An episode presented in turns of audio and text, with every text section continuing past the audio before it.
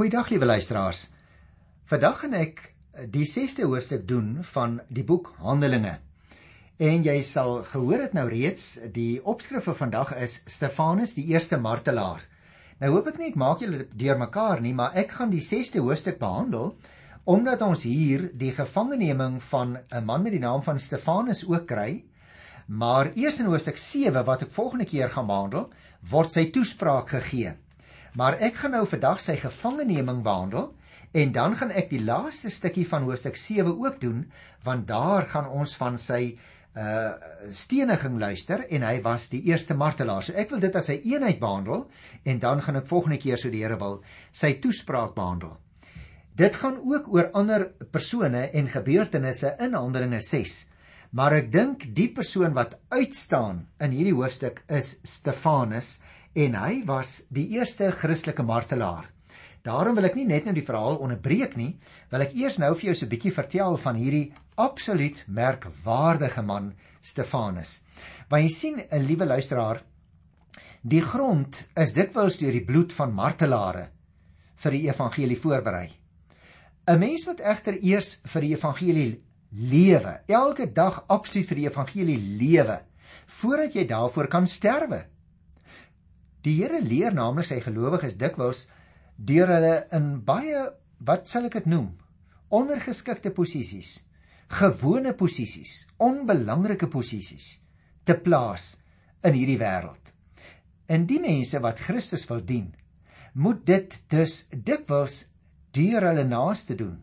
Stefanus was 'n baie goeie getuie en ook 'n baie goeie werker vir God voordat hy 'n martelaar geword het. Dit het nie sommer net op een dag gebeur soos wat 'n mens mag dink nie.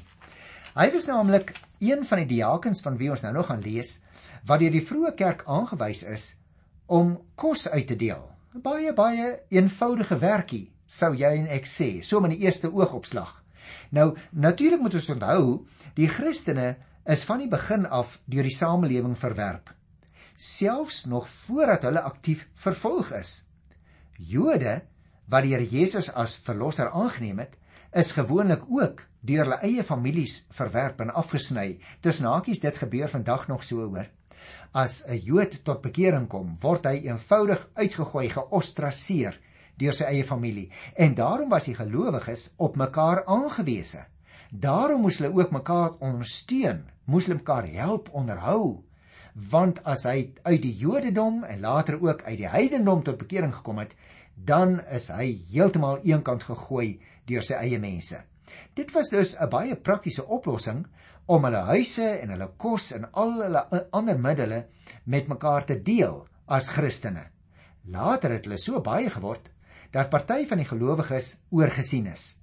En daarom moes daar nou op 'n georganiseerde wyse te werk gegaan word om te verseker dat almal goed versorg word. Die gelowiges wat nou aangewys is om daarmee te help, is gekies as die jakens op grond van hulle integriteit en hulle oorgawe aan die Here. Stefanus was nie net bekwaam vir daai werk nie, maar hy was ook 'n baie dinamiese spreker. Toe hy later in die tempel deur vyandige gesinde groepe gekonfronteer is, kon hy hulle argumente baie logies en baie duidelik weer lê. Hy het ook met groot welslaag voor die Joodse raad gepraat later.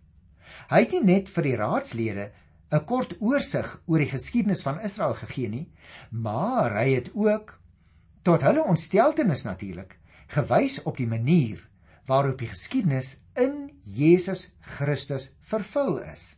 En dit is, liewe luisteraar, waarom ek volgende eh, keer se hele program aan sy toespraak wil wy. Tussenakies.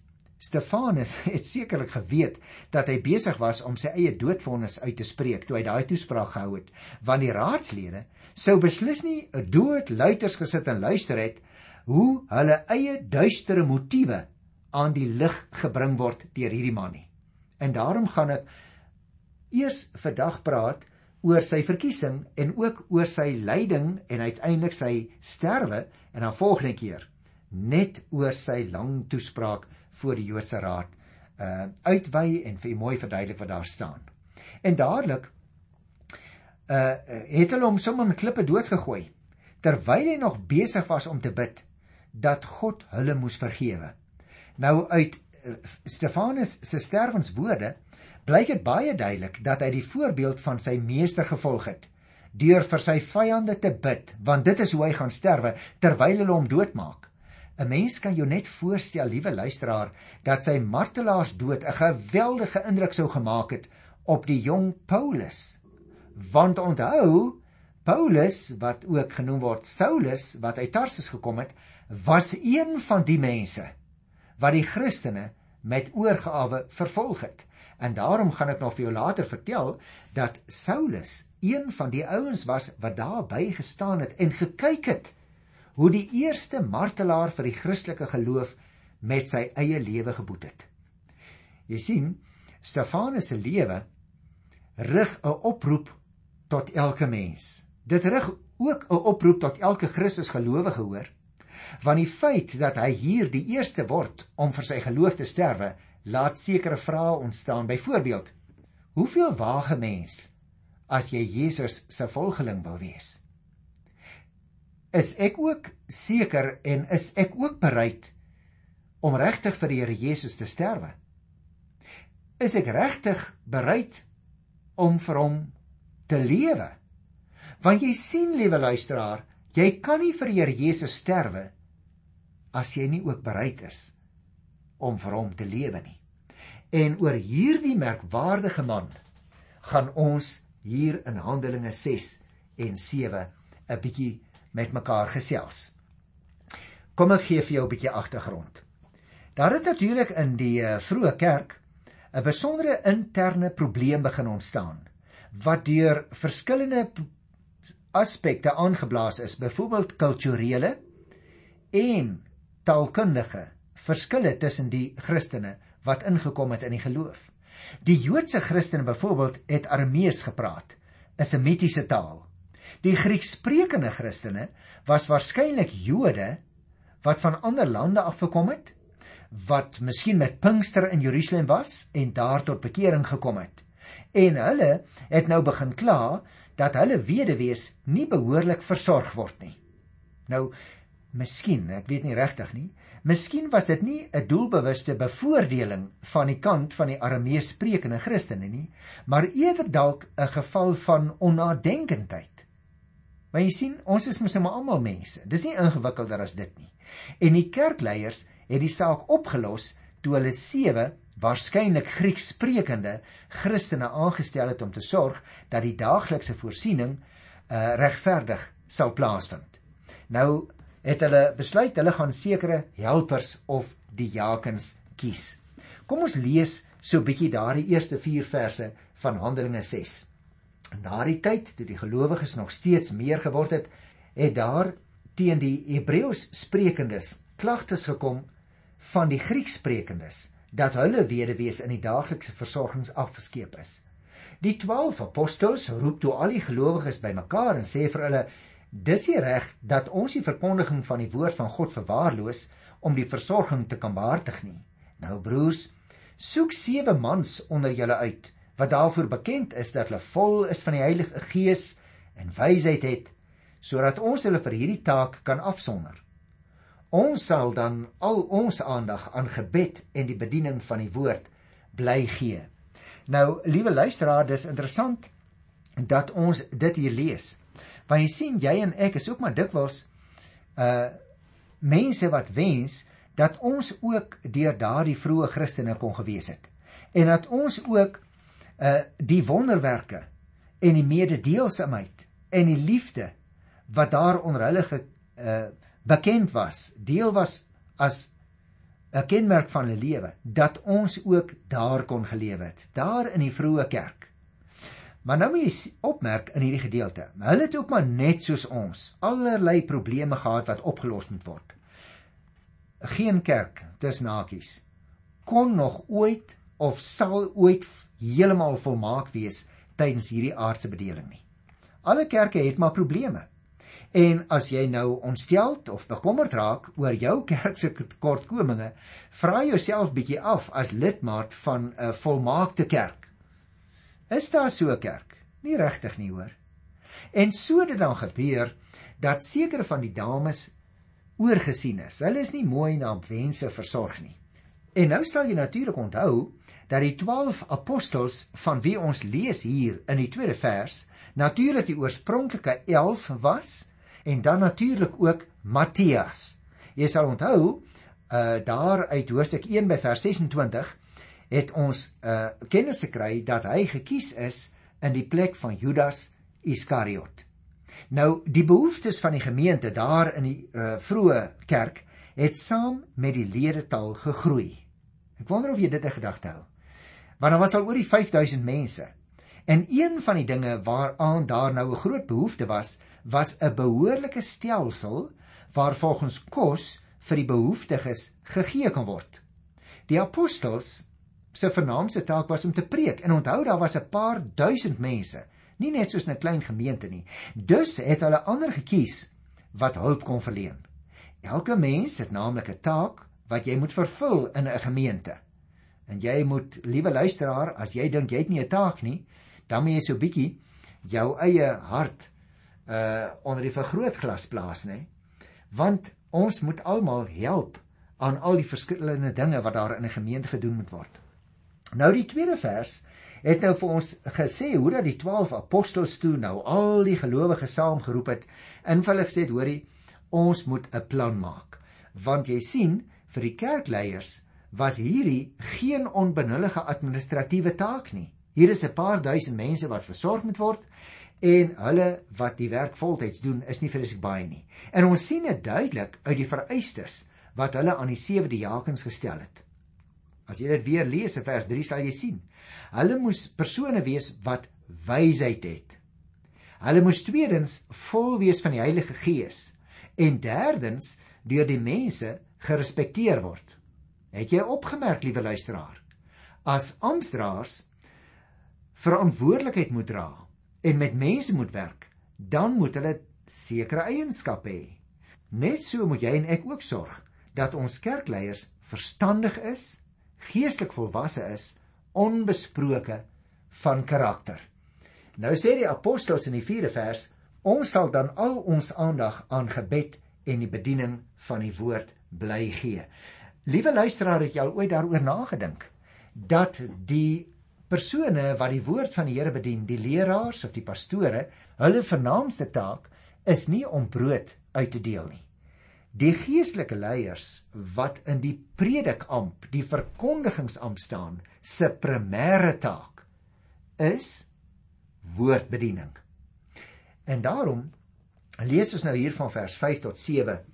Die voorstel het by al die gelowiges byval gevind en hulle het Stefanus gekies 'n man met 'n vaste geloof en vol van die Heilige Gees. Ek het jou nou-nou van hom vertel.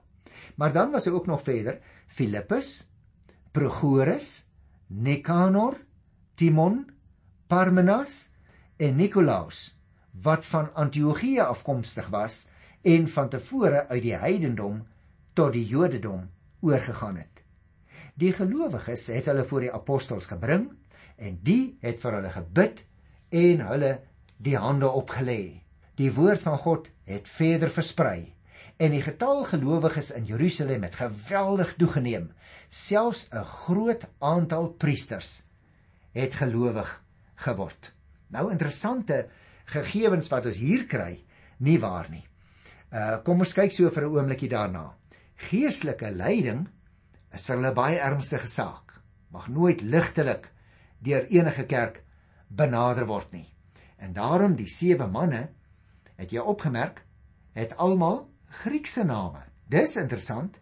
Dit lyk vir my uit hulle name asof al sewe Griekssprekende Jode was, hoewel Arameese Jode natuurlik ook soms Griekse name gehad het.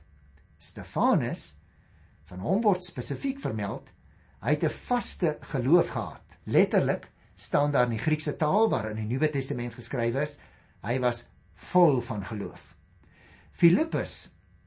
Dis interessant dat in die uh, twee vertellings wat ons in hoofstuk 8 kry, staan sy werk sentraal. Maar ek gaan hom nou eers so 'n bietjie los want ek wil graag meer praat oor Stefanus vandag. Die 7de vers het vir ons gesê die woord van God het verder versprei en die getal gelowiges in Jerusalem het geweldig toegeneem. Selfs 'n groot aantal priesters het gelowig geword, né? Nou dis baie interessant dat dit in dieselfde versie staan want jy moet oplet in Jerusalem. Dit is met ander woorde die plek waar die verkondiging moes begin. En daar groei dit. Daar brei die kerk op 'n kragtige manier uit, selfs onder die priesters. Baie interessant, né? Dis amper vir my so bietjie ironies dat eh uh, Lukas wat die skrywer is van Handelinge hier in die skaduwee van Jerusalem en die tempel vir ons nou so half wil uh, in die oorvleis dat jy moet net onthou baie van die mense wat tot inkeer gekom het was priesters. Wonderlik. Want jy sal onthou Jesus het vir die apostels gesê dat hulle heel eerste in Jerusalem moet getuig. Jy onthou dit nog daar uit Handelinge 1 vers 8. Maar nou kry ons die verhaal van Stefanus wat gevange geneem word. Luister nou baie mooi hierna. Miskien moet ek vir jou 'n bietjie agtergrond gee voordat ek die versies net lees, want jy moet onthou, liewe luisteraar, as ons dit nou gaan behandel, hierdie martelaarskap van Stefanus, Een van die voorvereistes vir enige Christelike diens is natuurlik dat die Christen met die Heilige Gees vervul moet wees. Stefanus was deur die krag van die Gees 'n baie baie goeie dienaar in die kerk. Iemand wat wonderwerke gedoen het. Uh ons het uh, byvoorbeeld daar in die 8ste vers 'n uh, opmerking dat hy groot wonders en tekens gedoen het, maar ek gaan dit nou nou behandel. En hy was terselfdertyd 'n baie goeie evangelis want ons lees van hom in die 10de vers dat uh, hy het van die Heilige Gees uh, wysheid ontvang waarmee hy dan gepraat het. Daarom moet mense onthou, die gawes wat jy van die Here ontvang, moet jy ook gebruik in diens van die Here en van jou medemens natuurlik. En dit is waarvoor God dit deur sy Gees vir jou gegee het, hierdie gawes wat jy en ek ontvang het. Nou ja, kom ons lees hierdie paar verse van vers 8 af. Stefanus, aan wie God baie genade en krag gegee het, het groot wonders en tekens onder die volk gedoen. Party van die lede van die sinagoge van die vrygelate slawe, soos dit genoem is, wat bestaan het uit Jode wat van Sirene en Alexandrië afgekom het, het toe saam met die Jode wat van die provinsies Cilicië en Asië gekom het, met Stefanus begin redeneer. Hulle was egter nie opgewasse teen die wysheid wat hy van die Gees ontvang het en waarmee hy gepraat het nie. Toe het hulle mense omgekoop om te sê: "Ons het hom teen Moses en God hoor laster." Kan jy nou jou voorstel hoe verskriklik dit was om sulke leuns oor hierdie man te vertel? Die 9de vers praat van die vrygelate slawe. Was daar 'n groepie voormalige Joodse slawe wat deur Rome vrygemaak is en hulle eie sinagoge daar in Jerusalem gehad het. Nou hulle was natuurlik nou afkomstig wat vandag bekend is as Libië en Egipte. Dan was daar was daar ook nog het ons in die 11de vers gelees hulle het mense omgekoop om te sê ons het vir Stefanus teen Moses en God oorlaster. Jy sien die Sadduseërs was die grootste en die sterkste groep binne die Joodse Raad. Hulle het slegs die boeke van Moses, dit wil sê van Genesis tot Deuteronomium, aanvaar en bestudeer. En hulle het dit nou as 'n misdaad beskou as iemand Moses vloek. Ons sien egter in Stefanus se toespraak wat ek volgende keer gaan behandel, dat hulle aantuigings van alle waarheid ontbloot was. Stefanus het juis sy oorsigtelike verwysings na die geskiedenis van Israel op die boeke van Moses gegrond. Hy het dus nêrens uh enige iets teen Moses gelaster nie, nog minder teen God, maar hulle bring dit nou in as 'n klag teen hom. En daarom word hy nou gevange geneem. Die 15de vers sê: "Toe al die Jode van die Joodse raad stip na Stefanus te kyk, sien hulle sy gesig helder soos die van 'n engel lyk." En nou liewe luisteraar, gaan ek 'n paar kort minute hier aan die einde van die program spring na hoofstuk 7 by vers 54. Want ek het vir jou gesê ek gaan sy toespraak volgende keer behandel. Want aan die einde van hoofstuk 7 kry ons die verhaal van hoe dat Stefanus gestenig is. Ek lees by Handelinge 7 vers 54. Toe die lede van die Joodse raad dit hoor, het hulle van woede op hulle tande geknars. Maar Stefanus, vol van die Heilige Gees, het opgekyk na die hemel en die heerlikheid van God gesien en Jesus wat aan die regterhand van God staan. Kyk het hy gesê, ek sien die hemel geopen en die seun van die mens wat aan die regterhand van God staan. Toe het hulle hard geskreeu en hulle ore toegedruk.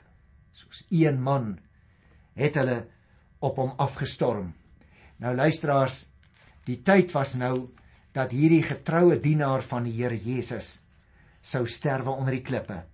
Hy sien God se heerlikheid en hy sien die Here Jesus nie sittende soos gewoonlik nie, maar staande om sy dienskneg Stefanus in sy donkerste uur by te staan en te ontvang. Stefanus noem die Here Jesus seun van die mens, soos wat Jesus na homself dikwels verwys het. En met hierdie naam, liewe luisteraar, word Jesus aangedui as die magtige verlosser van die eindtyd. Die Jode maak soos die profesie sê, hulle druk hulle ore toe. Die Jode sleep nou vir Stefanus uit die stad uit omdat steniging buite die woonplek moes plaasvind. Jy onthou nog Levitikus 24 by vers 14 sê dit vir ons. En hierdie steniging luisteraars was waarskynlik nie 'n geregtelike vonnis nie, maar eintlik was dit 'n onwettige moord. Die Joodse raad het waarskynlik nie reg gehad om iemand ter dood te veroordeel nie. Pilatus moes dit doen. Die getuies word hier genoem omdat die Joodse wet bepaal het mense wat getuies van die kwaad was van wat 'n persoon gedoen het, moes die eerste klippe gooi. Stefanus se laaste woorde herinner aan die twee kruiswoorde van die Here Jesus. As ons nou na hierdie vers 55 baie mooi kyk, dan sien jy opmerk Stefanus het die heerlikheid van God van die Here Jesus aan sy regterhand gesien. Sy woorde aan die Sanhedrin is dieselfde woorde as die van die Here Jesus in die Joodse Raad. Gaan kyk maar daar in Lukas 22 vers 69. Wat jy moet oplet is dit: sy visioen het Jesus se aanspraak bevestig en die Joodse leiers baie kwaad gemaak en daarom het hulle hom van God se lastering beskuldig. Hulle wou nie verder na hom luister nie. Stenig hom. Net soos die Here Jesus was hy gereed om te sterwe en selfs om God om vergifnis te vra vir sy moordenaars. Is dit nie geweldig nie? Soveel vergifnis kan slegs kom, liewe luisteraar, van iemand wat 'n volkomme volgeling van die Here Jesus Christus is. En luister nou na vers 58. Toe het hulle hard geskreeu en hulle ore toegedruk. Soos een man het hulle hom het hulle op hom afgestorm om hom uit die stad gesleep en gestenig. Die getuies het hulle klere neergesit by 'n jong man met die naam Saulus. O, oh, liewe luisteraar, as ons Paulus hier vir die eerste keer in die Bybel ontmoet, dan sien ons dat hy Jesus se volgeling wreed vervolg. Daar is hy die teenoorgestelde van die man wat ons in die res van die boek Handelinge gaan leer ken as 'n toegewyde volgeling van Jesus Christus en 'n begaafde prediker van die evangelie boodskap. Dis nagies Paulus was op 'n baie besondere manier toegerus om vir die mense van Jesus te vertel. Maar ek gaan volgende keer vir jou van hom vertel. Vers 59. Terwyl hulle vir Stefanus stenig het hy geroep: Here Jesus, ontvang my gees. Het jy opgelet God se lastering? Dit wil sê oneerbiedige uitsprake teen God is met die dood gestraf. Die skuldige is gestenig. Die Ou Testament het dit voorsê. En hier sterf 'n onskuldige man. Vers 60 sluit af met het hy op sy knieë neergesak en hard uitgeroep: Here, moet hulle tog nie hierdie sonde toereken nie. Met hierdie woorde het hy gesterwe. Jy opgemerk Stefanus se sterwenswoorde was presies dieselfde woorde van die Here Jesus aan die kruis vroeër. Lukas 23 vers moet hulle tog nie hulle sonde toereken nie. O, hierdie man was gewillig om te ly soos wat die Here Jesus gelei het. Hy het selfs met sy laaste asem gebid dat sy moordenaars vergewe sal word. Die Here Jesus kan vir jou en vir my ook lei om soos Stefanus op te tree en opregte liefde teenoor ons vyande te betoon. Ek wil jou 'n vraag vra. Hoe sou jy reageer as iemand jou te nakom omdat jy glo soos wat jy glo? Weet dat dit 'n voorreg is om vir die naam van die Here Jesus Christus verneder te word as dit nodig is. Kyk na Stefanus. Ek groet jou tot volgende keer in die wonderlike naam van ons Here. Tot dan. Totsiens.